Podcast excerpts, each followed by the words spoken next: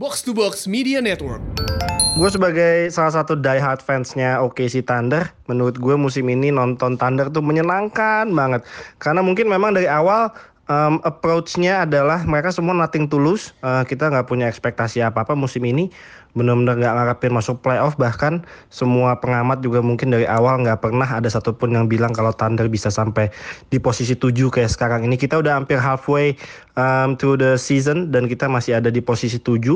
Jadi um, gue rasa semua pemain mainnya uh, lebih lepas ya musim ini dan yang pasti um, flow-nya dari offense-nya juga jauh lebih enak ditonton, um, ball movement-nya jauh lebih jalan dan pemain-pemain ini semua punya um, unselfish mentality. Menurut gue dilihatnya juga enak um, kalau tahun-tahun sebelumnya kan kita selalu stuck dengan dua pemain ya. Jadi misalnya ada um, combo antara Westbrook um, Durant, terus ada Westbrook sama Paul George. Jadi um, sebenarnya off, secara offense tinggal ganti-gantian antara mereka berdua aja dan pemain-pemain yang lain di lapangan juga cuma kayak patung aja gitu, style, apa cuma berdiri aja di pojok-pojok di corner, nggak um, di involve sama sekali dalam offense-nya. Musim ini jauh berbeda, semuanya bisa involve um, di offense, semua move without the ball. Um, lagi-lagi mentalitinya benar-benar beda dari apa yang kita uh, gue sebagai fans OKC ngelihat dari bertahun-tahun um, yang terjadi di OKC gitu ya. Um, jadi menurut gue defensively, offensively jauh lebih menyenangkan. Defensively masih banyak lah yang perlu diperbaikin. Tapi yang penting gue ngelihat auranya, energinya semua udah beda musim ini um, dari sebelumnya. Sebelumnya kayak benar-benar kita tuh kayak apa ya? Pemain-pemain bench dan pemain-pemain lainnya tuh kayak benar-benar um, under pressure aja mau shoot juga nggak lepas. Kalau musim ini semua lebih lepas karena mereka mungkin menganggap bahwa oh gue di di involve nih di offense jadi gue mainnya lebih lebih nyaman juga gitu. Dan um, um, coach um, Billy Donovan juga kemarin Desember sempat jadi um, coach of the month ya. Seumur umur kayaknya nggak pernah dia jadi coach of the month um, kita malah sering ngata-ngatain kalau dia tuh coachnya bego banget dengan dengan apa ya nggak um, punya game plan yang jelas. Kalau di um, crunch time juga nggak jelas um, play-playnya semua nggak ada yang jelas gitu. Tapi um, dengan komposisi pemainnya sekarang ternyata sistemnya dia bisa jalan dan dia nggak kelihatan sebagai coach yang bego gitu loh. Jadi um, menurut gue ya sorry itu saya like it or not suka atau nggak suka selama ini memang yang menghambat OKC memang itu adalah si um, Brody kesayangan gue yaitu Russell Westbrook. Ya sorry itu saya suka atau nggak suka kita harus um, um, terima kenyataan karena memang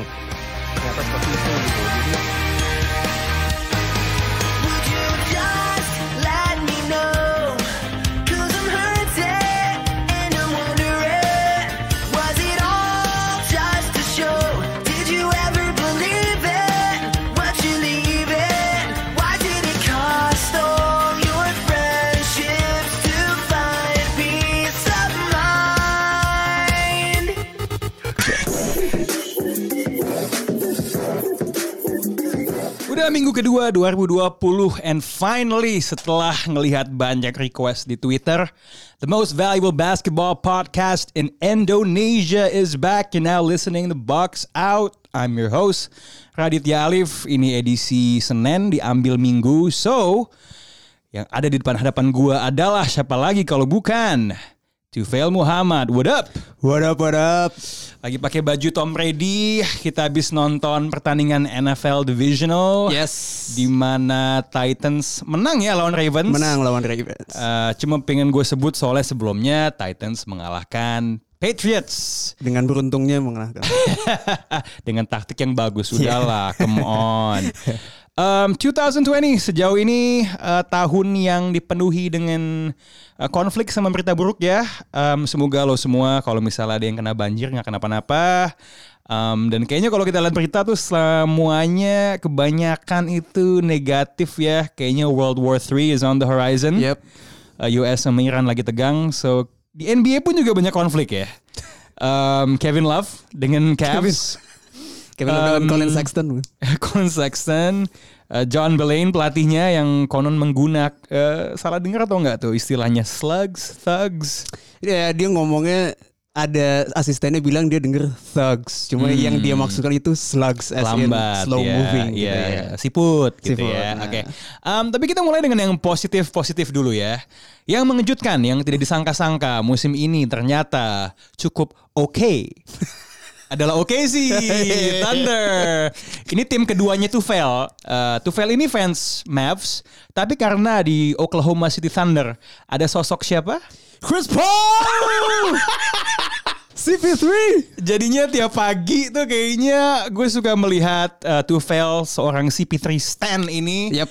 nge-tweet dengan huruf kapital segala segala hal yang dilakukan sama Chris Paul. Yep. Mau dia komplain, mau dia apa, lu selalu berhasil nge-spin itu menjadi oh ini bukti kalau dia ini jiwa pemenang Betul. gitu kan. Makanya kemarin juga Bapak Amar uh, bilang kalau lu adalah SJW-nya SJW.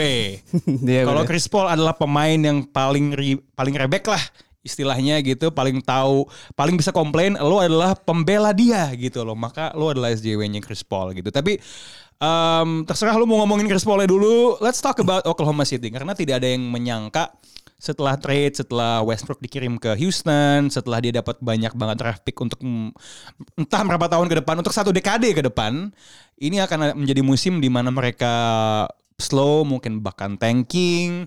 Uh, Chris Paul dikiranya apakah mungkin dia akan pindah? Bisa aja sih sebelum trade deadline dia pindah. Cuman uh, what do you make of it so far? It's it's an interesting situation nih karena gue rasa juga mungkin ekspektasinya Sam Presti dan tim di Oklahoma dan fans Oklahoma adalah oke musim ini nothing to lose, but they're in the mix. Nah kalau dari apa yang lo lihat sejauh ini, Vel, em, apa yang membuat tim Oklahoma ini ya bisa ada di posisi 7 sementara di Western Conference? Kalau gue menurut gue sih yang gue lihat pertama sih komposisi pemainnya emang eh mereka itu mengakomodir satu sama lain dengan baik. Jadi OKC itu kan musim ini startnya itu lumayan lambat, Ya. yaitu eh, kalau nggak salah tuj- sampai Thanksgiving itu 7-11 eh, 4 game di bawah 500. Dan hari ini eh, ketika podcast ini direkam kebetulan eh, kalah ya lawan Lakers Kalah. yang tanpa AD dan LeBron tapi ya udahlah dua-duanya main back to back it's it's it doesn't take anything away from Thunder ya. Iya. Terus Dan setelah Thanksgiving tiba-tiba mainnya jadi bagus banget. Oke. Langsung ngecun 15-5 kalau nggak salah sejak Thanksgiving dan masuk yang kayak lo bilang dia masuk di seat ketujuh di barat dan itu sebuah pencapaian yang menurut gue bagus banget untuk sebuah tim yang ekspektasinya rebuilding, tanking mungkin. Tapi kalau kita ngelihat komposisi rosternya ini eh, sebuah roster yang kalau gue bilang eh, bisa kompeten banget di barat. Kalau yang dari kita tahu ada eh, Steven Adams yang udah lama di situ. Kemudian yang lu bilang tadi ada Chris Paul yang gantiin Westbrook. Ada Shai Gilgeous Alexander. SGA SGA yang datang dari trade-nya Paul George. Kemudian ada Dennis Schroeder dan juga ada Danilo Gallinari yang gue awal-awal musim- Danilo Gallinari. Gallinari benar. Dan gue pernah bilang di awal-awal musim, ini kali pertama gue ngeliat OKC dari sekian lama dari zaman KD sama Russell itu punya starting five yang modern istilahnya, yang mainnya four out basketball gitu. Jadi satu pemain megang bola dan ada tiga pemain yang spacing, kemudian satu Spacingnya jauh lebih oke. Betul. Ka- Kalau kita dulu oke si zamannya Russ sama KD kan selalu asosiasinya sama pemain yang jago defense, atletisisme tapi nggak bisa nge-shoot kayak Jeremy Grant, Andre Robertson, even Terence Ferguson sekarang pun juga kayak gitu. Jadi menurut gue sangat refresh banget ngelihat oke si musim ini dengan susunan roster kayak gitu. Nah, dan kalau ngelihat perkembangan permainan OKC yang bagus banget eh, beberapa minggu kebelakangan ini, gue akan nge-point out eh, pilihan line up mereka, yaitu memainkan tiga pemain terbaik mereka, yaitu Dennis Schroeder, Shai Gilgeous Alexander, sama the point guard Chris Paul itu dimainkan berbarengan. Jadi ya ini ini sebenarnya lineup yang menarik ya. It's a three technically ini three point guard lineup. Yep. Um, lineup yang bisa dibilang secara tinggi badan tuh lineup kecil ya. Uh, talk to me about why does this lineup work so well? Karena ini gue lagi lihat statsnya nih. Statsnya uh, mengutip uh, Zach Remdringer, the best three man lineup in the NBA minimal 200 menit. Ini grup uh, three guardnya OKC. Ketika uh, CP3 um, Schroeder sama SGA di lapangan they are plus 27 six points per 100 possession. Itu cuma Bucks yang lebih oke daripada itu kalau kita ngomongin lineup yang uh, plus 20 or better. Oh enggak, sorry. Bucks adalah satu-satunya tim yang punya lineup yang plus 20 atau better. plus 20 itu angka yang ini banget ya, monstrous banget kalau di- kalau di konteksin ke on court production. Nah, di trigger line up-nya si OKC ini menurut gua potennya itu pertama di di sisi offense karena eh tiga pemain terbaik OKC itu justru di tiga point guard mereka yaitu Shai Gilgeous, CP3 dan Schroeder dan mereka ini tiga-tiganya ngebawa skill set dan cara bermain yang dengan tanda kutip sama tapi dengan tempo yang rada berbeda gitu. Kalau Hmm. Chris Paul ini kan dia Half court. half court, floor general dan dia bisa main pick and roll, mid range. Kemudian Schroeder dia lebih rada geradak tapi dia bisa main pick and roll juga. Speednya rada lebih, lebih punya speed Hmm. Dan dia bisa get to the rim dan dia juga udah proven scorer juga dari off the bench. Kemudian ada Shy. Shy ini lo kalau nonton kayak apa ya? Istilahnya offbeat kali ya. Kayak ritmenya tuh kayak tiap tempo dia bermain tuh kayak sebuah apa sih? Sebuah lagu yang temponya tuh unik. Jadi, Jadi ini ibaratnya lo punya tiga point guard dengan genre musik yang beda nih bener, ya. bener banget. Ini Nah, agak beda sama let's say ketika di musim sebelumnya lo punya Westbrook yang temponya cuma satu, Yes, mainnya yes, ngegas yes, gitu kan. yes. Sekarang ada yang perlahan-lahan, ada yang ngegas, ada SJ yang mungkin kadang-kadang ngegas, kadang-kadang enggak, yap. kadang-kadang temponya beda gitu ya. Dan, dan tiga-tiganya itu bisa nge-lead offense sendiri gitu loh. Hmm. Ini bu, apalagi kalau ditaruh di lapangan bareng-bareng. Nah, jadi defense itu eh kesusahan untuk mencari focal point offense. Oke sih. Hmm. Jadi si OKC itu bi- dalam di sisi offense kalau mainin trigger up mereka bisa mainin Chris Paul pick and roll. Kalau nggak bisa mereka bisa swing ke sisi lain. Kemudian ini oke saatnya SGA main. Kemudian kalau lagi hot shooter bisa main shooter. Nah uniknya kalau di trigger up ini kan kalau menurut gue sih versi trigger line up yang paling poten itu kalau disandingin sama Gallinari sama Steven Adams. satu Jadi- main dalam, satu stretch four ya. Yes, per- pertama itu ngasih spacing di 4 dan juga ngasih defensive presence di Stephen Adams. Adams, di 5. Nah, trigger line up tradisional kan sebenarnya tidak dipakai secara eh, normal, secara wajarnya itu karena kan memang hanya ber apa sih istilahnya ber- bercondong ke satu sisi offense kan. Karena kalau line up kan berarti lu pemain pemain lu akan kecil-kecil dan di Yeah. sisi defense lu akan di Kewalahan. hajar kan. Nah, nah untuk mengoffset kekecilan size mereka itu, nah kehadiran Gallinari dan Adams ini cocok banget buat ngelengkapin five man lineup mereka. Gitu. Sama Chris Paul jaga pemain yang lebih gede di post ya. Iya. nah itu juga. He's not bad at that. Iya, menurut not gua, bad at that. Yes, menurut gua Chris Paul itu fulcrumnya justru dari Uh. dari trigger line up ini karena two way prowess dia itu yang ngebuka eh, versatilitas di baik, Dibandingin baik di offense, atau yes, ya. baik di offense maupun di defense. Nah, kendalanya, kendalanya gue belum tahu gimana kalau mereka oke sini ketemu tim yang punya dua wing gede dan mereka dua-duanya bisa scoring. Udah sebut aja namanya Clippers namanya kan. Clippers Ya. ya. Nah, terakhir si OKC ketemu Oh, tim Clippers. lamanya si Pitri ya. Nah itu pak, itu dia menang justru oke sih, cuma belum Ya. ada Kawhi, Hmm. Kawhi nggak main. Load management. Iya, Iya. yang main sama Paul George dan Jadi j- jadi emang itu OKC lawan LA Clippers pakai tanda asterisk ya. Iya, Iya. LA Pacers lah itu. Eh. Oh iya bener. Kan biji doang. Iya iya ya. boleh boleh. I kan? take that. I take that. I take that. Ya oke baik baik. Ya, nah itu kendala dan sebenarnya kalau kita mau put it in perspektif lagi eh, permainannya OKC beberapa minggu ini kalau ngelihat eh, rekor kemenangan mereka yang bagus sebenarnya juga tim tim yang mereka kalahkan tuh juga kebanyakan sih masih tim yang mid 500 gitu loh masih di tengah-tengah conference untuk pema top dog yang mereka kalahkan tuh gue nggak nggak inget banyak sih seingat gue hanya itu Clippers yang gak ada Kawhi kemudian mungkin Rockets bukan top dog. Rockets ya itu satu tapi kan Ini ya Russell Westbrook's kayak comeback night ya, ya. itu pas dia balik ke OKC lagi terus em, ada mungkin dia ngalah, dia ngalahin si Raptors tapi nggak ada Siakam Mhm. jadi dan trigger lineup itu yang lo bilang kalau pas tadi pas lo bilang statsnya itu kan dia udah main 200 menit cuma Hmm. gue juga nggak melihat itu bisa dipakai untuk semua situasi gitu jadi Ya. pada lawan pada saat game OKC lawan Rockets kemarin pun gue nggak ngeliat itu diturunin banyak Ya ya ya. karena eh gue nggak yakin Billy Donovan itu em, pingin naruh ti- tiga pemain kecil itu untuk ngedefend ada Russell Westbrook sama James Harden gitu kan. Nah jadi menurut gue perlu diperhatikan gimana di playoffs nanti usage lineup tersebut. Cuma untuk ya dari yang sudah mereka lakukan sampai saat ini keren banget men mereka mainnya. Ya, apalagi kalau di playoffs, Chris Chris Paul terbukti nggak di playoffs? Hey. Eh, itu kita simpen ya Kita buat diskusi Kalau dia bisa- satu tahun pembelaan pembelaan take si Petri adalah point guard terbaik itu kita Yap. simpen nanti itu ada tanggal mainnya ya guys Siap.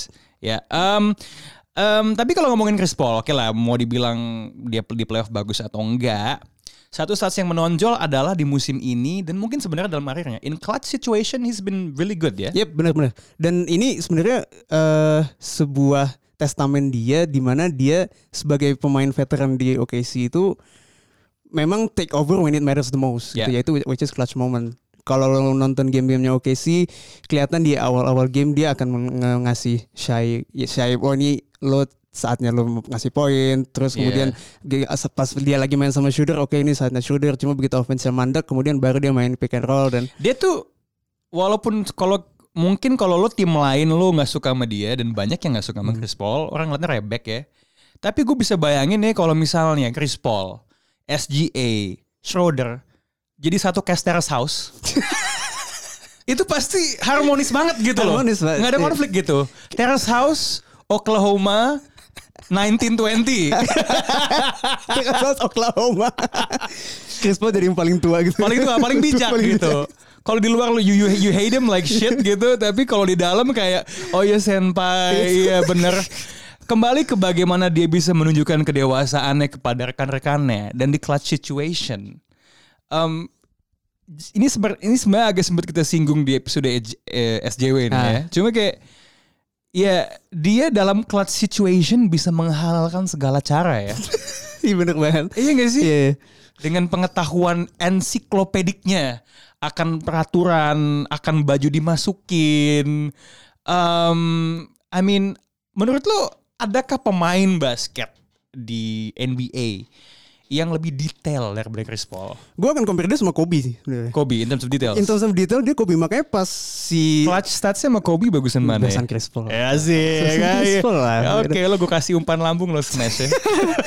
makanya gue pas dia si Chris Paul itu rencana di trade ke Lakers yang kemudian di veto sama Ah. David Stern itu sebenarnya ak- sudah menghalangi kita ketemunya dua pemain yang paling anal yang paling detail di NBA gitu. Paling Kobe. anal? Iya. Kok ya anal as in, di- as in apa sih? Kalau Kobe beneran suka anal nggak ya? Tahu gua. Oke, Nggak oke. tahu gua. Iya iya Kobe Bryant details. Iya iya iya iya. iya. Dan itu ya makanya kalau nggak di veto itu kita bisa tahu dua pemain paling detail, paling kompetitif yang will do anything to win untuk dalam satu court kan narasinya kan selalu oh ini lo nggak bisa punya dua pemain yang eh terlalu dominating yeah, satu sama lain gitu. Jadi sayang aja kita nggak bisa ngeliat itu. Saya tracking sedikit. Kalau Kobe Bryant masuk ke Terrace House, menurut lo akan disukai? Kayaknya bakal konflik sih. Membernya pada cabut semua ya dua Iya. episode. A- Apalagi kalau sama Dwight Howard ya. dua tahun gak bakal disukai. cabut cabut Dwight Howard tiga episode cabut dan dan dan akan muncul kan kalau di Terrace House tuh biasanya ada satu member yang lebih dewasa di mana dia akan bilang lo tuh hidup tuh mesti punya tujuan Yes, lo tuh mesti punya mimpi Yes.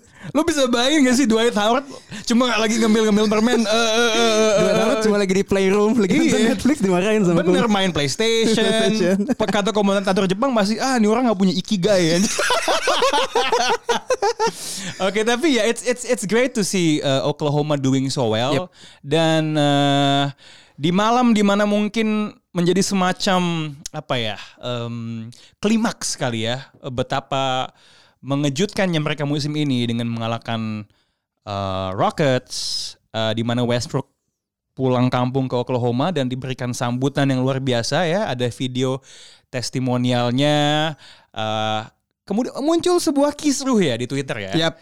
Eh, Kendrick Perkins juga pernah main di Oklahoma beberapa musim bilang kalau ya Westbrook adalah pemain Thunder terbaik sepanjang masa. Pemain terbaik yang pernah mengenakan baju Thunder.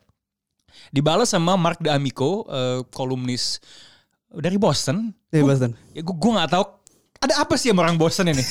ini yang yang main oke sih sama Houston. Kenapa orang Boston tuh ikutan ya? Selalu mencuri spotlight. Selalu ya, kayaknya butuh banget. Boston tuh, aduh, kota diva bagaimana sih gitu ya. Bilang ya, tapi nggak apa-apa, kebebasan beropini kan. Dibilang Ya enggak lah, come on Kendrick pemain terbaik bukan Westbrook lah intinya. Kemudian eh, dibalas lagi sama Kendrick Perkins di mana dia menyebutkan nama di sini. Dia menyebutkan nama siapa yang eh, mungkin dianggapan dia pemain kedua terbaik di Oklahoma sepanjang masa. Eh, dia bilang Kevin Durant pernah ke conference semifinals dan kalah ketika nggak ada Westbrook. Siapa yang turun tangan habis itu? Netizen kita semua, Kevin Durant. Kevin Durant pengguna Twitter terbaik NBA sedang tidak bermain basket sehingga mengeluarkan eh, jump shot jump shotnya di social media. Dibales eh, di series itu lo oke banget lo mainnya. You average 3 and 4 points and then kemudian back and forth. Dibalas lagi sama Kendrick Perkins. Itu adalah the weakest move. Itu paling enak ya di, di- diucapkan sama orang yang kebetulan ada di tim yang dia di 2008 tim Celtics nggak? Tim Celtics. Celtics kan. Jadi dia bisa bilang gue di, di tim juara tanpa harus bergabung Iya, yes, gitu kan. Betul, betul.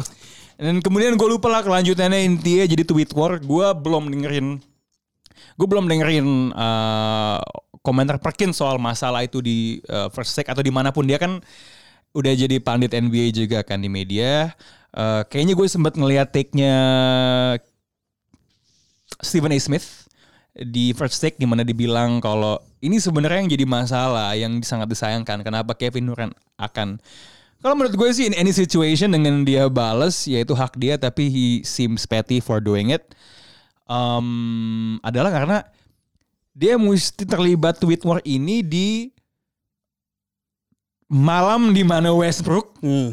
datang. Jadi ini isti istilahnya ini momen di mana spotlightnya di Oklahoma, spotlightnya di Westbrook. Kevin Durant udah pindah semenjak 2016. Dan Masih, masih kecipratan tuh. masih kecipratan dan menunjukkan kalau dia insecure soal itu gitu loh. Kalau makanya buat gue Kevin Durant tuh untuk orang yang sejago itu Ya. dia itu sangat menunjukkan keinsecureannya Banget, gitu banget, loh. Heeh. What's your take on the whole beef? menurut gue sih si Duren sama ini kan kita kan tahu Duren sama Perkins sebenarnya kan eh mereka kan temenan lah.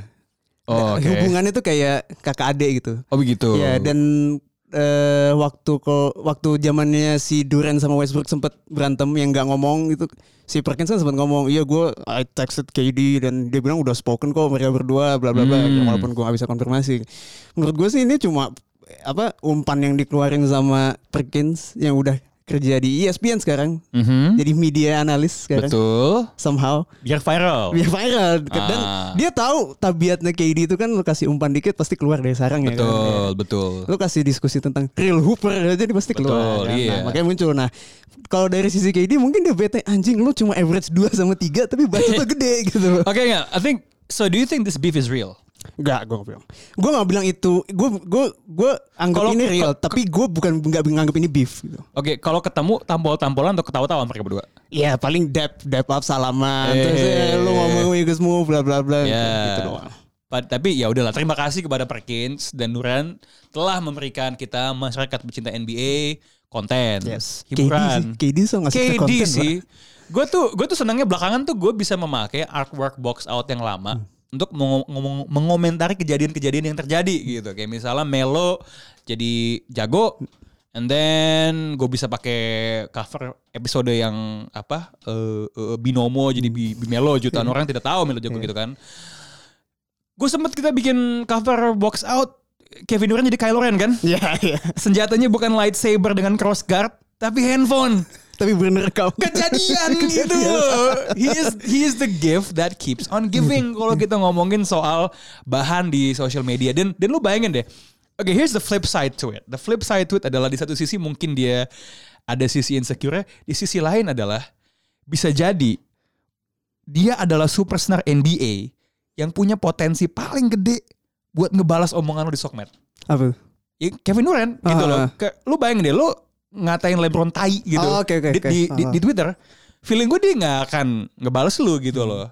Mungkin jangan-jangan most of the time Twitter dia ada adminnya. Kevin Durant nggak mungkin gitu loh. Iya. Tapi lu bisa Pasti bayangin nggak kalau misalnya Kevin Durant nge-hire admin, tapi adminnya disuruh bertingkah kayak gitu. Nggak nggak nggak bakal natural menurut gue. Harus KD-nya langsung. Kebencian itu nggak bisa direplikasi Iya. ya. Penggunaan katanya tuh menurut gue KD tuh exquisite banget sih. Dia I bilang see, I see. Yang dia bilang you average 2 and 3 you played hard though champ Alah, anjing ini gue tahu banget dia pasti zaman sekolahnya suka nongkrong suka bacot-bacotan suka ngata-ngatain Ya, orang ya, ya, ya. bahasanya tuh gitu banget dan itu yang bikin kita sebenarnya oke lu mungkin you may be the most insecure NBA superstar tapi kita bisa relate sama dia gitu True, true, true. dia kita dia mungkin lagi nganggur pegang handphone ya udah gue pengen nge-tweet gue nge-tweet gitu dia nggak terben, terbentur dengan Flow-flownya dia itu bikin dia relatable ya. Yap, dan Iya. dia umur berapa sih sekarang tiga Eh, 88. Iya 31. satu ya masih tiga satu tapi masih insecure gitu loh gue masih 31 tapi suka tweet war ya. Iya. Dia belum punya pacar kayaknya sih, Pak. Lo lihat teman-temannya deh yang, yang udah punya pacar kayak LeBron, kayak Wade. Bini, bini. Iya, even bini atau pacar gue juga gak tahu si Ya gitu. tapi ya maksudnya ya, ya, ya sebenarnya menurut gua nggak bukan justifikasi lo juga sih. Karena kalau lo punya nggak tahu nih gue ya, mungkin kalau punya you Oh, got something better than Oh mungkin maksud lo arguing on Twitter gitu loh. Iya iya karena logika lo adalah karena jangan-jangan karena ketiadaan itu dia terlalu dia punya waktu luang terlalu banyak. But, but he's not playing basketball right now. Ya mungkin dia rehab, rehab Ah. atau apa. Jadi pulang Mungkin rehab bosen. ya pulang dari rehab kalau dia pulang ke rumah ada pacarnya kan oh dia bisa mungkin spend time with his girlfriend mungkin Hmm, cuma iya. other than spending time with Itu dibahas his tuh by the way kalau ngomongin KD yang pas dia di acaranya Search Ibaka. Mhm. Yang Ya, dita- chef itu ya Iya chef-chef yang makan aneh-aneh Ah. gitu kan ditanyain tuh kayak eh, lo tuh pernah ditolak atau apa nggak sih? Ternyata dia lu- lumayan juga suka sliding on the Ah, ends. oke, oke. Tapi suka nggak dapet. Gue lupa dia nyebut eh apa, apa dia nyebut dia pernah deketin Carrie Hilson ya? Gue gue lupa. Kirilson R&B coba coba nggak nggak tunggu tunggu tunggu. Coba gue sambil Google dulu ya. Tahu gue terakhir relationship dia tuh sama WNBA player tuh gak sih? Lupa gue. Siapa ya? Lupa gue. Gue juga lupa sih itu. Aduh, eh, ce ce ce ce ce. Oh iya iya dulu dia pernah nge-tweet, "You all think I can get Carrie Hilson's number?" itu di tweet sama dia. Iya iya iya iya iya iya. Terus di retweet lagi. Iya iya iya. Ya tapi ya ya, ya Serge Ibaka ganteng sih. Iya, emang. Iya, ganteng Emang. sih dia ganteng ganteng ganteng. Udah cukup ngomongin soal kegantengan dan KD and all these beefs on Twitter, but we'll still be sticking on Twitter karena di segmen 2 kita akan ngebacain pertanyaan dan hot take lo. Welcome back to Box Out segmen 2 eh, tadi abis nonton NFL sambil jalan ke sini gue udah minta hot take hot take dan pertanyaan jadi di tab Twitter gue banyak responsnya. So let's see tadi tuh kayaknya pertanyaan pertama tuh eh masih berhubungan sama topik yang kita bahas. Give me a second, I'm still scrolling. Oke, dari Ed Faras Abian. KD and Perkins, amateur boxing six rounds. Lo bertaruh siapa yang bakal menang? Kalau dari kelas berat kan Perkins lebih tinggi, cuma KD lebih punya size, punya range. Tapi gue akan pilih Perkins. Kayaknya pukulannya lebih berat aja lebih sih. berat aja emang. Lebih berat gitu. KD di body shot sekali juga udah gue Iya, kayak kayak gue bisa bayangin mungkin awalnya KD tuh bakal jaga jarak Iya. dengan wingspan-nya. Betul. Ya udah Perkins tuh bakal nerobos aja bodo amat ketemu terus di bam Iya. dibogem Yes. gitu. Terus nggak tahu apakah KD bakal komplain di sokmed tentang ya ini cheap shot atau apa gitu nggak tahu. Em, ada pertanyaan dari Ed Iksan underscore R92 ini soal basket lokal kapan Rocky Padilla diajak? IBL sudah mulai. Eh, secepatnya to be honest gue kadang-kadang suka nggak enak karena sampai detik ini sayangnya gue masih belum terlalu ngerti IBL Eh, that's on me not on him. Tapi at some point in the season gue pasti akan mencoba mengontak beliau untuk ngomongin basket Indonesia yang semakin absurd karena ini gue ngobrol sama Tufel kostumnya NFL Patriots. Ternyata ada tim Indonesia Patriots juga. Eh, dan ada tim yang ini lu akan ngetawain gue karena gue nggak tahu ini tapi gue selalu ng- ngikik soal namanya Louvre Louvre Oh, Oke, Louvre ya. Louvre, Louvre, Louvre. Aneh aja gue dengan penamaan tim-tim basket Indonesia. Eh ini dari Apta Magistra. This is sort of a hot take, sort of a prediction. Giannis bakal ke Warriors.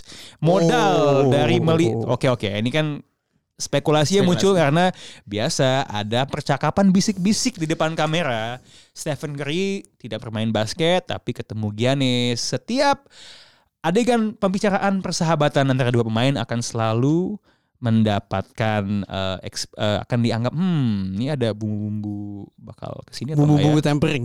Tampering ya. Ngomongnya sih ngomongin buat ayo gabung main PUBG. Nggak, tapi nggak, Nggak mungkin, iya, percaya iya. sih gue. Pasti minta join. Yes, eh, but do you think it's gonna happen though? No. Apa ini enggak ya? Menurut gue enggak. Giannis kalau menurut gue one man team sih.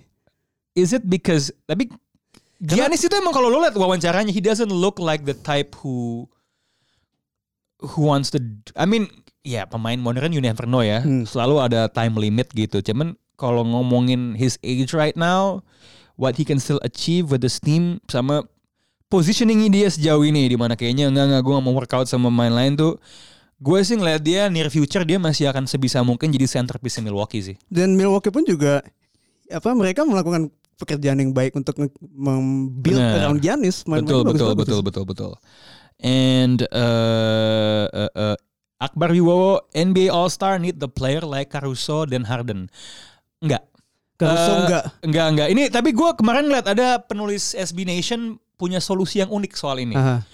kalau mau karena gini gue tuh malesnya ya sama kalian ini fans-fans tim big market ya lo lihat All Star voting gak sih Hmm. Taco Fall, nilai Caruso. tinggi, Caruso. Ah, ngentot lo semua. Enggak maksud gue kayak ya ya udah itu trolling lah. Lu hmm, itu itu adalah argumen yang nanti kalau lo lihat inside NBA pasti Charles Barkley akan bilang ah persetan dengan fans voting. Dia akan bilang ini ini ini contoh utamanya. Kan ini buat lucu-lucuan aja sih obviously. Tapi kalau emang mau di- dilibatkan kemarin artikelnya Zito di SB Nation lu bikin aja all meme team. Oh setuju. Jadi Setuju. kayak ada tim mungkin bisa dilibatkan di celebrity game gitu loh. Cuma jangan in the All Star game itself. Uh, at Radia Mahendra, Asian Bar Koset, uh, Lakers bench is better than Clippers. Setuju tidak setuju? Tidak setuju. Gue tahu ini ini sample size dari satu game pasti. ya itu Iya, tadi yang lawan Tadi OKC. Yes. karena Kyle Kuzma mainnya bagus, eh, Rondo mainnya juga oke sehingga menang. But are we ever going to say their bench is better than a team yang punya six man back to back of the year plus Montrezl Harrell, Harrell. partnernya yang juga kandidat six man kalau mereka punya main bareng. kandidat multiple ya. Yes. Yes. Aduh. Oke, ini dari Nuha Gunawan. Derrick Henry shot a trick play like James Harden doing a step back clutch. Eh, berarti ini persamaannya apa? Apakah step back clutch Harden ini dia dia langka apa gimana nih? Em, Kesamaannya ada step backnya atau ada pelemparan sebuah pelemparan. bola. Pelemparan sebuah itu bola. sangat general sekali persamaannya. Tapi yang kalau ada yang nonton NFL tadi pagi nih pemain yang mendadak paling diomongin tuh Derrick Henry ya, Yep. running backnya Titans, Tennessee Titans. Tennessee Titans yang secara mengejutkan mengalahkan Patriots dan iya baik benar. oh Patriots, Pat- Patriots. Enggak sorry gue kira yang tadi pagi kan Ravens bukan Patriots. Iya dan Ravens. Yes, Iya, itu sorry. Oke, Eh, dan em, running back adalah posisi di mana pemain itu bawa bola, udah lu terima lu jalan lu tamprak orang pokoknya sampai sejauh mungkin kalau bisa sampai end zone. Ini untuk pertama untuk pertama kali dalam sekian abad dia yang ngelempar bolanya yang trick play. Jadi itu sangat eh, defense Ravens tidak menduga itu dan lemparannya tuh sambil loncat Yes. technically jump shot gitu kan. Jadi sangat luar biasa. Um, it's sangat langka ya di di NFL lo bisa ngeliat Langka kayak banget, gitu ya. langka banget. Apalagi untuk pemain kayak Derrick Henry yang emang badannya gede, dia Yes. bisa lewatin sendiri untuk ngelempar. Kayak kayak lu nggak menduga ini orang punya skill ngelempar sama Yes, sekali kan betul. gitu. Handika at Cactus Jack. Uh. OKC masuk playoffs dan bakal bertahan sampai semifinal. I think they're gonna get into the playoffs. Semifinal tergantung matchup yang pertama lawan siapa sih? Ini kalau dia playoffs mulai hari ini dia ketemu Clippers. Clippers kan sih Iya susah sih. susah kalau ketemu. Gua nggak yakin mereka bisa menang lawan Clippers sehebat Iya. trigger line up mereka. Oke, Albert eh dinamanya dalam kurung Sixers 25-14 ketahuan defense mana at FCHW33.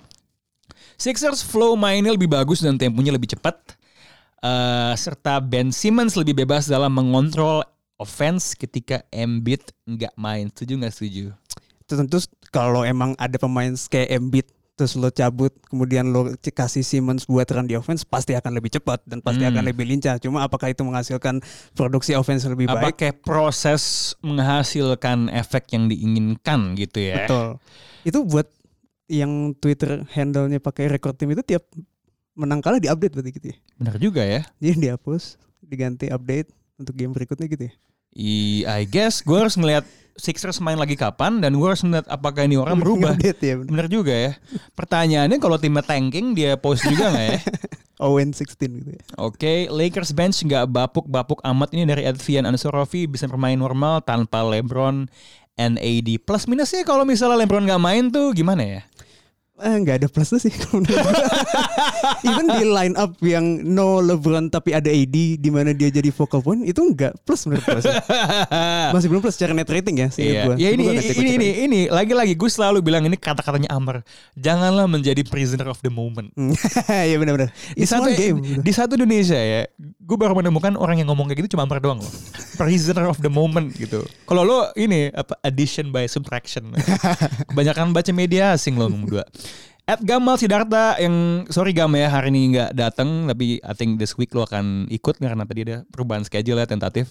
Uh, ini hot take, spicy level pedas satu. Ush. Cavs will fire John Belaine before they trade Kevin Love. Enggak menurut gua. Enggak ya kayaknya. Kevin Love cabut dulu baru jam Mm-mm. Beeline. Beeline, Beeline, Beeline. I, I don't know. Behind, beeline, Beeline, nggak- Bayline, nggak tahu. slug line, extra spicy. Ini level pedas dua nih. Yep. Three team trade of Ben Simmons to the Warriors for D'Lo and some of the kids. Raymond di Nets. Dilonya ke Sixers berarti. Yes. Tapi gue gak yakin Draymond bakal di trade. Ra- Raymond di Nets. Nah iya, kan sama KD gitu. Enggak, itu dia. Ya ini dia emang dia cuma nyari pedas doang nih emang. Gamal nih. By the way Gamal nih kalau ikut lagi gue masih bingung tau gak lo. Apakah ngomongin gue gue tuh pengen bikin satu segmen khusus. Gamal either ngomongin Melo atau gue kepikirannya white guy of the week. Jadi Gamal tuh khusus memperhatikan orang kulit putih satu gitu. Di karena kayak kemarin dia nyebut lagi sukanya pemain tuh Tyler Hansborough. Gue kayak Gam Kok lu kayak hafal banyak banget pemain oknum-oknum kulit putih dari Indiana gitu. Suka ada pemain-pemain kulit putih obscure gitu. Iya, dia nyebut abis itu pemain yang pernah main di Pacers gue mau Mavericks elu. Austin Crochet. itu tak. Ya, itu stretch for sebelum zamannya loh, lu Iya. jangan salah. Ahead of his time dia. Dengan dengan dengan rambut membotak yang agak lebih cepat gitu ya. Matanya lumayan killer walaupun kayaknya orangnya baik gitu dan shooting formnya tuh gue inget banget gitu. Ag- eh, tangannya tuh nggak terlalu tinggi tau gak lo kayak kayaknya di bawah 45 derajat deh. Pokoknya dulu in- Indiana tuh eh apa ya duo kulit putihnya tuh dia sama Jeff Foster. Jeff Foster, Jeff Foster ya. mainnya kasar anjing. Oke, em, ini dari NBA All Star Game will be boring. Ya, ya, ya, ya. Ya, boring. Tapi menurut gue tergantung defi- definisi boringnya dari Ed G Alamsyah. Gue sih buat gue udah pasti nggak akan boring karena untuk pertama kali gue akan lihat Luka Doncic di All Star Yeah. Game, and I'm looking forward to that. Nah ini nih, kenapa tiba-tiba ada akun at Liverpool Heartline? Weh. Eh, ini kayaknya gue tahu adminnya siapa nih. Ini Liverpool Heartline apa Boston Heartline nih? Contrary to popular beliefs, we will witness a finals where it's not involve, involving either of, of Lakers or Milwaukee. Oh jadi Philly. Lo yakin nih fans Boston? enggak, enggak, enggak, enggak. Apa dia mau bilang Boston? Nah, Boston atau Miami ya? Menurut gue sih tetap Milwaukee. Milwaukee Yes, ya? yes, Milwaukee. Kayaknya ya. Barat Clippers. Jadi Iya. gue gak yakin itu eh, sebuah take yang valid. Oke, jadi lo uh, take down take-nya. Yep. Take down. take down. Per hari ini. per hari ini. Per hari ini. Uh, facts can change. Facts can And when the change. facts change, you change your opinion. Harus- harus Tai lo flip flop. Harus di cover Nah secara ini, legal. tuh. nah ini dari uh, salah satu pandit box out juga nih. Tadi ada Gamal, sekarang ada Amarsha. Oke, siap. Uh, since you've watched today's NFL divisional game, apakah equivalent NBA? Uh, oh, ap- apakah pemain NBA yang bisa dikatakan equivalentnya Derrick Henry? Derrick Henry. Ya ya. Eh, wait, wait. Berarti Berarti ganas. Ganas, Udah nggak mungkin Ben Simmons. Soalnya Derrick Henry bisa bisa bisa nge-shoot technically. itu harus yang emang gede banget dan dia menggunakan seluruh bagian fisiknya untuk his advantage. Di Ah. NBA yang kayak gitu. Wait, siapa? Siapa ya? Soalnya lu mau bilang LeBron juga kayaknya belum deh. Gue pengen Iya. bilang Westbrook juga secara size nggak se-imposing Derrick Henry. Ah. Ini mau Mungkin kita siapa? Boban, Boban, enggak. Boban, Boban?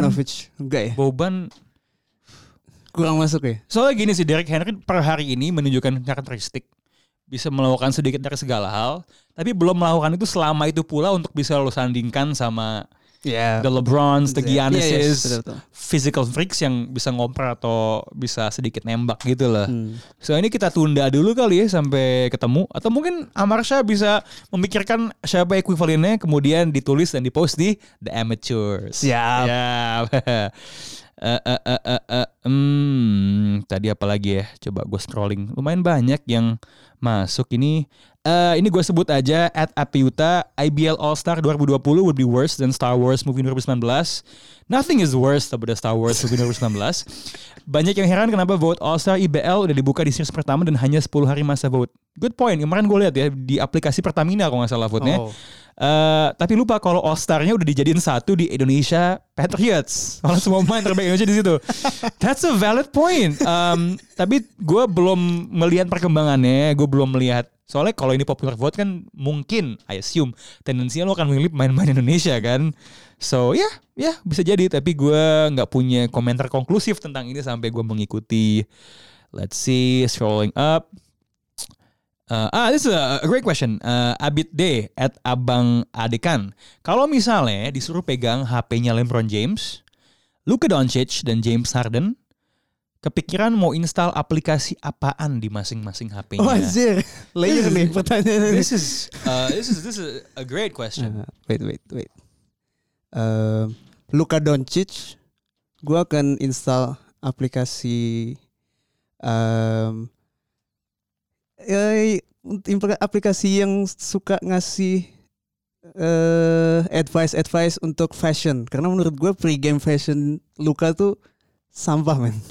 Iya, plus dia merobek bajunya. Iya itu dia. Iya, ketika frustrasi Habis gitu. dirobek ditutupin gitu kayak malu. Iya benar. Jadi aneh dia gitu. harus iya punya penget eh, apa ya kalau kalau fashion ya. Kalau mungkin apa high beast atau Oh Mr. Porter. Mr. Porter ya, cocok. Website not? Ada ada appsnya. Oke, kemudian eh, LeBron. LeBron, em gue akan install aplikasi ESPN buat dia buka trade machine supaya dia bisa Oh, nge-trade dia bisa ngekalkulasi. dia. Gua Yes. akan ngasih dia aplikasi WeChat sama Weibo, so dari Cina. Eh, James Harden. James Harden, oke oke. Eh, gue akan ngasih dia tentunya eh, apa ya? Zomatonya untuk strip club tuh ya? Zomato kali ya kan strip club mungkin jual makanan juga. ya ya ya, gua akan ngasih dia eh, Traveloka. Hah. Soalnya dia suka traveling. Suka Eurostep. Ya your step gitu kan kira pak. Hey ini eh, ada statement juga dari at raging forest underscore mine is not a take. Cuma sebuah pertanyaan yang gue butuh jawabannya. Gimana caranya bikin istri suka sama basket? Oh, Sejauh ini dia cuma suka sama Luka Doncic dan AD padahal kita suka denger box out ID bareng. First of all, thank you ya udah dengerin box out ID bareng. Tapi dia belum suka sama basket, tapi suka pemain. Kalau levelnya lu udah suka pemain, gimana cara dia bisa menyukai basket, Vel? untuk nyukai basket harus ngikutin gamenya, baca Mhm. beritanya, sama dengerin podcastnya. Bener. Terus dengerin podcast basket eh, lain juga boleh lo dengerin Yep. overtime juga bisa. Sekarang makin banyak ya podcast basket. Yes. Bahkan di grup WhatsApp Box Out ada anak-anak Box Out yang gini percaya. Tiap kali gue nyebut grup WhatsApp Box Out itu isinya orang-orang yang lebih pintar basket daripada gue. Terbukti bukan karena mereka mungkin belum muncul di media atau apa, tapi di Liga Fantasy Basketball gue dihajar sama mereka. gue dihajar sama Tufel, tapi gue juga dihajar sama uh, bocah SMA yang atau kuliah gue gue gak tahu ada satu usia berapa. And he's kicking my ass in this game. And that means he knows basketball. Dia bikin podcast namanya Cabut Basket, lo dengerin juga. Ada- Shout out Vio. Vio, eh, Vio ya namanya Vio. ya. Kemudian ada, oh ya gue gue sok sok lupa namanya. Gue main basket sama dia waktu tahun baru. Ada Tripit, ada Tripit, Basket. yep. Mulai mulai makin banyak ya source-nya. Bagus. Eh, podcast luar juga banyak. Eh, Ringer punya NBA show, Low eh, Post. Low Post, em, kemudian No Dunks, No Dunks. yang dulunya itu The Starters ya di yep. TV. Banyak banget lah kalau ngomongin konten basket tuh banyak banget yang fun. Eh, Ringer juga punya NBA Desktop yang lucu banget Yes, gitu. yes. So um, just kalau misalnya suka komik ya cekokin ke Slam Dunk dan lain sebagainya ya. Percaya nggak percaya komik itu punya efek yang gede loh. Eh, kalau di sini ya lo sampai suka olahraga yang lo nggak biasa ngikutin kayak lo komunitas NFL Indo gue cukup yakin banyak banget yang baca komik Ice Shield ya. Mayoritas anggota Onel Indo join karena tahu dari Ice Shield. Ice Shield gitu dari komik lu jadi ngikutin olahraganya. Um, Oke, ini dari at Fidelis 93. Trey Young would somehow end up in Rockets. Cause he has the same DNA as Harden and Westbrook. No champions mentality and Oh. a stats pattern. Oh, Oh. gokil. Some shots Oh, buat, oh. buat Bapak Trey yang Hmm, ya masih musim kedua kita nggak tahu pak Oh. dia punya championship mentality apa enggak Iya. mainnya di tim yang semenjana kayak Benar, Atlanta Hawks bukan semenjana bapuk sih Bapuk, sebenarnya sejauh ini ya. Iya. Em, iya, kayak ini tuh, tuh take yang gak bisa gue jawab sekarang juga ya.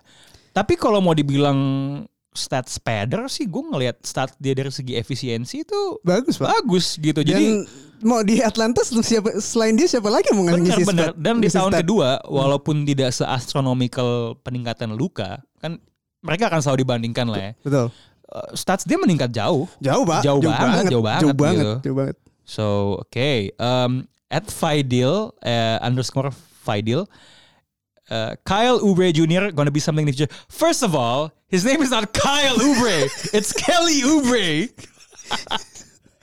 Ganti-ganti nama anak orang di KTP nih. Is he gonna be something in the future? gua- Tsunami papi? tsunami papi aneh sih dia gamenya ya Eh gue nggak dia tuh apa sih jagonya apa Jacob masih Jacob all trades dia itu Iya dia akan jadi role player yang, Role player yang bagus, bagus. konsisten, karirnya mungkin akan lumayan panjang lah di NBA. Um, at Ade Raja Agustino, kalau seandainya komik Slam Dunk dilanjutin, kan ada rumornya kan bakal iya. ada kelanjutannya gitu. Terus Shohoku ikut Winter Cup, kira-kira mereka bakal juara? Enggak ya. Um, Akagi udah nggak ikut sih. Akhirnya udah nggak ada. Eh, menurut gue Kapten Mitsui seharusnya di turnamen pertama tuh gue eh sorry Kapten Miyagi itu kalau ngelihat betapa groundednya slam dunk gue menduga kalau dibikin tuh akan ada flaws-nya sih di musim Yep. kedua. Em, Sakuragi juga baru sembuh cedera jadi lagi rehab. Jadi menurut gue jawabannya sih nggak bakal juara sih. Menurut gue juga ke kalau ngelihat si Takehiko Inoue ya di ininya eh, authornya dia kan emang fundamental basketnya kan emang bagus kan? Yes. Prediksi gue sih kalau udah dilanjutkan akan dimunculkan satu karakter yang pro analitik.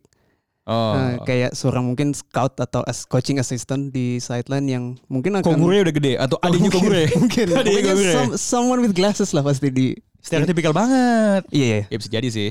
Iya, who knows? Tapi yang penting gue menurut gue sih si Inoue gak akan se tidak akan melupakan analitik dalam eh, perbincangan perkembangan basket yang udah jauh dari terakhir slam dunk keluar Ya, ya, ya, ya, ya. Eh, Oke, anyway, kalau misalnya lu punya pertanyaan lainnya atau lu punya keresahan yang besar, lu pingin ngomongin eh, basket, lu pingin bikin podcast basket, tenang saja, Eh, lu bisa pakai aplikasi Anchor. It's so easy, anybody can make a podcast with Anchor. Ini perusahaan milik Spotify, bikin semua orang bisa bikin podcast um, all in one platform yang paling penting gratis. Lo bisa upload lo bisa edit lo bisa tambahin musik. Sekarang gue lihat lo bisa bikin trailer. Jadi mau bikin podcast tentang basket nggak cuma basket doang tapi kalau bisa sih tentang basket langsung download Anchor atau klik www.anchor.fm di web browser dan langsung bikin podcast lo sendiri. 100% gratis dan tentunya ya gini deh kita aja semuanya bikin podcast pakai Anchor. Masa lo nggak This is Box Out Indonesia, first episode 2020. Raditya Alif, Tufel Muhammad we out.